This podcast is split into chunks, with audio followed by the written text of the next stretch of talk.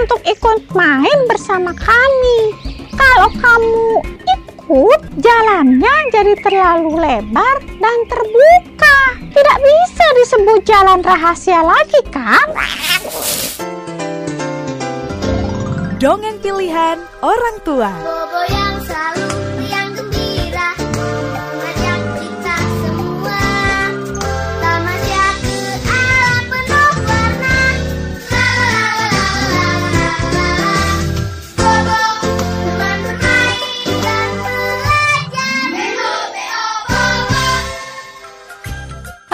Ketemu lagi dengan Kak Lucy.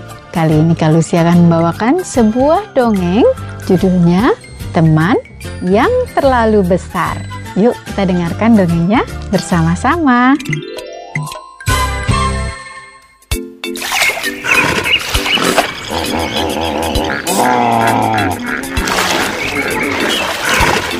Popoci adalah anak kudanil yang masih kecil. Di antara kudanil dewasa, tubuh Popoci tampak sangat kecil. Namun, saat berada di antara anak-anak hewan lain, tubuh Popoci tampak lebih besar. Kudanil kecil adalah hewan yang sangat besar, lebih besar dari hewan kecil lainnya. Suatu hari, Popoci melihat tiga anak macan kecil. Mereka sedang membuat jalan setapak rahasia di antara ilalang-ilalang yang tinggi. Jika dilihat dari atas, jalan itu tertutup ilalang yang tinggi yang tumbuh melengkung di kiri dan di kanan jalan. Popoci ingin ikut bermain di jalan rahasia itu.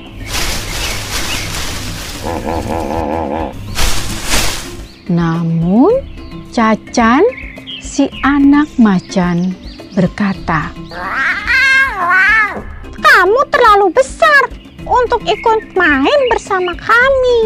Kalau kamu ikut, jalannya jadi terlalu lebar dan terbuka. Tidak bisa disebut jalan rahasia lagi, kan?"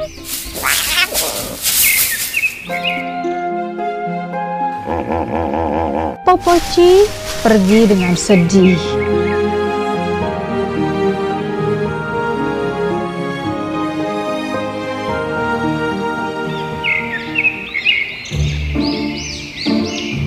Ia lalu bertemu tiga anak jerapah yang sedang bermain petak umpet.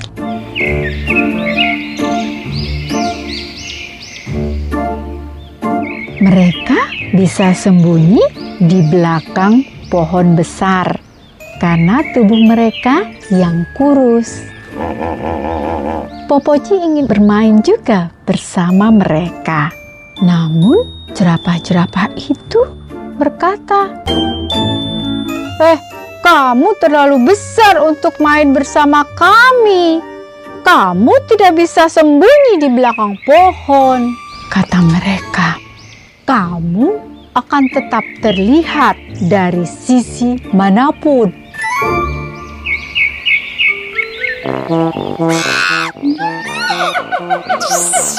Tiba-tiba Popoci melihat monyet-monyet kecil yang lucu berayun gembira di atas pohon. Saat Popoci berjalan mendekat, mereka tertawa. Kamu terlalu besar untuk ikut bermain di dahan pohon.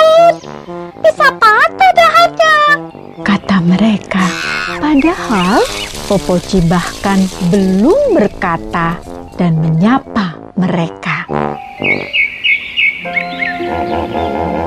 Popoci sangat sedih. Oh, tidak ada yang mau bermain denganku dan aku tidak bisa mengikuti satupun permainan. keluhnya sedih. Ia berjalan perlahan kembali ke kubangan. Setelah cukup lama melamun, ia lalu keluar dari kubangan dan berjalan sendiri.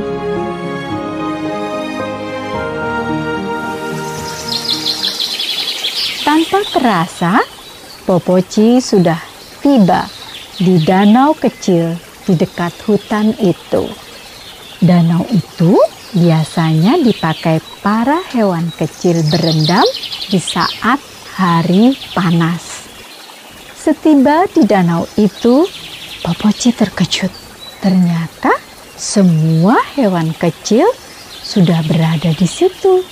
Mereka kepanasan setelah lelah bermain dan ingin berendam di air.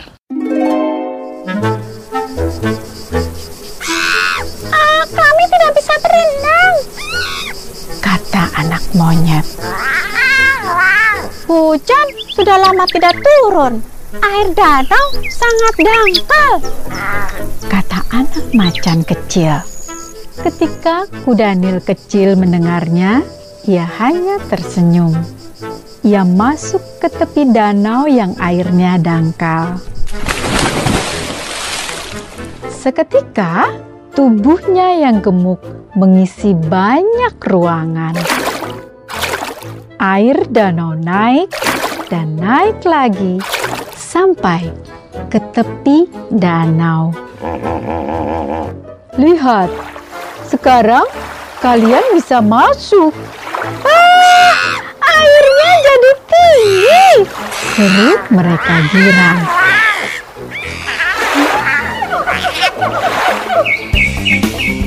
Mereka pun bermain bermacam-macam permainan. Mereka naik ke punggung Popoci dan merosot turun ke dalam air.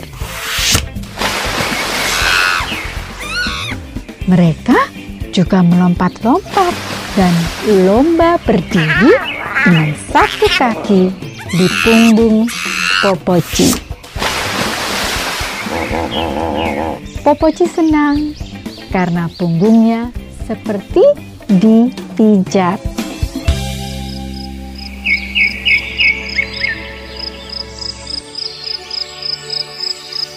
Mereka sangat gembira sehingga senja rasanya datang terlalu cepat.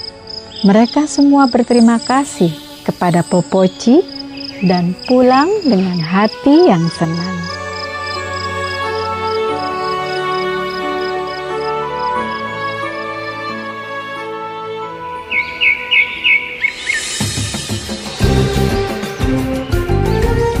Waktu berikutnya, ketika Popoci datang untuk ikut bermain, mereka tidak lagi berkata, "Kamu terlalu besar untuk bermain dengan kami." Namun, mereka dengan cepat akan mengganti permainan yang cocok agar Popoci bisa ikut bermain. Karena Popoci tetap baik pada mereka walau mereka sempat menolaknya. Begitu dongeng kali ini. Apa ya pesannya? Pesannya kita tidak boleh cepat putus asa dan patah semangat. Ketika gagal, kita harus mencoba lagi dan terus mencoba lagi. Dan jangan lupa terus berbuat baik walaupun ditolak. Sampai jumpa di dongeng berikutnya. Salam. Hai teman-teman, terima kasih sudah mendengarkan dongeng pilihan orang tua. Jangan lupa follow channel Dongeng Pilihan Orang Tua di Spotify karena pastinya akan ada banyak cerita yang seru-seru loh. Jangan sampai ketinggalan dengerin episode terbaru yang akan diunggah rutin setiap minggunya ya. Kalian juga dapat mengikuti media sosial Instagram kami di @majalah bobo, majalah mombi, dan mendongeng untuk cerdas untuk mengetahui konten informatif dan menarik lainnya. Demikianlah episode kali ini. Saya Brigita Valencia Bellion sebagai host, Ristiana Dwi Putri sebagai produser, Tusia Triundari sebagai narator, Andre Kurniawan sebagai audio engineer, dan tim audio recorder Akmal Nadif Predika dan Adrian Vini pamit undur diri.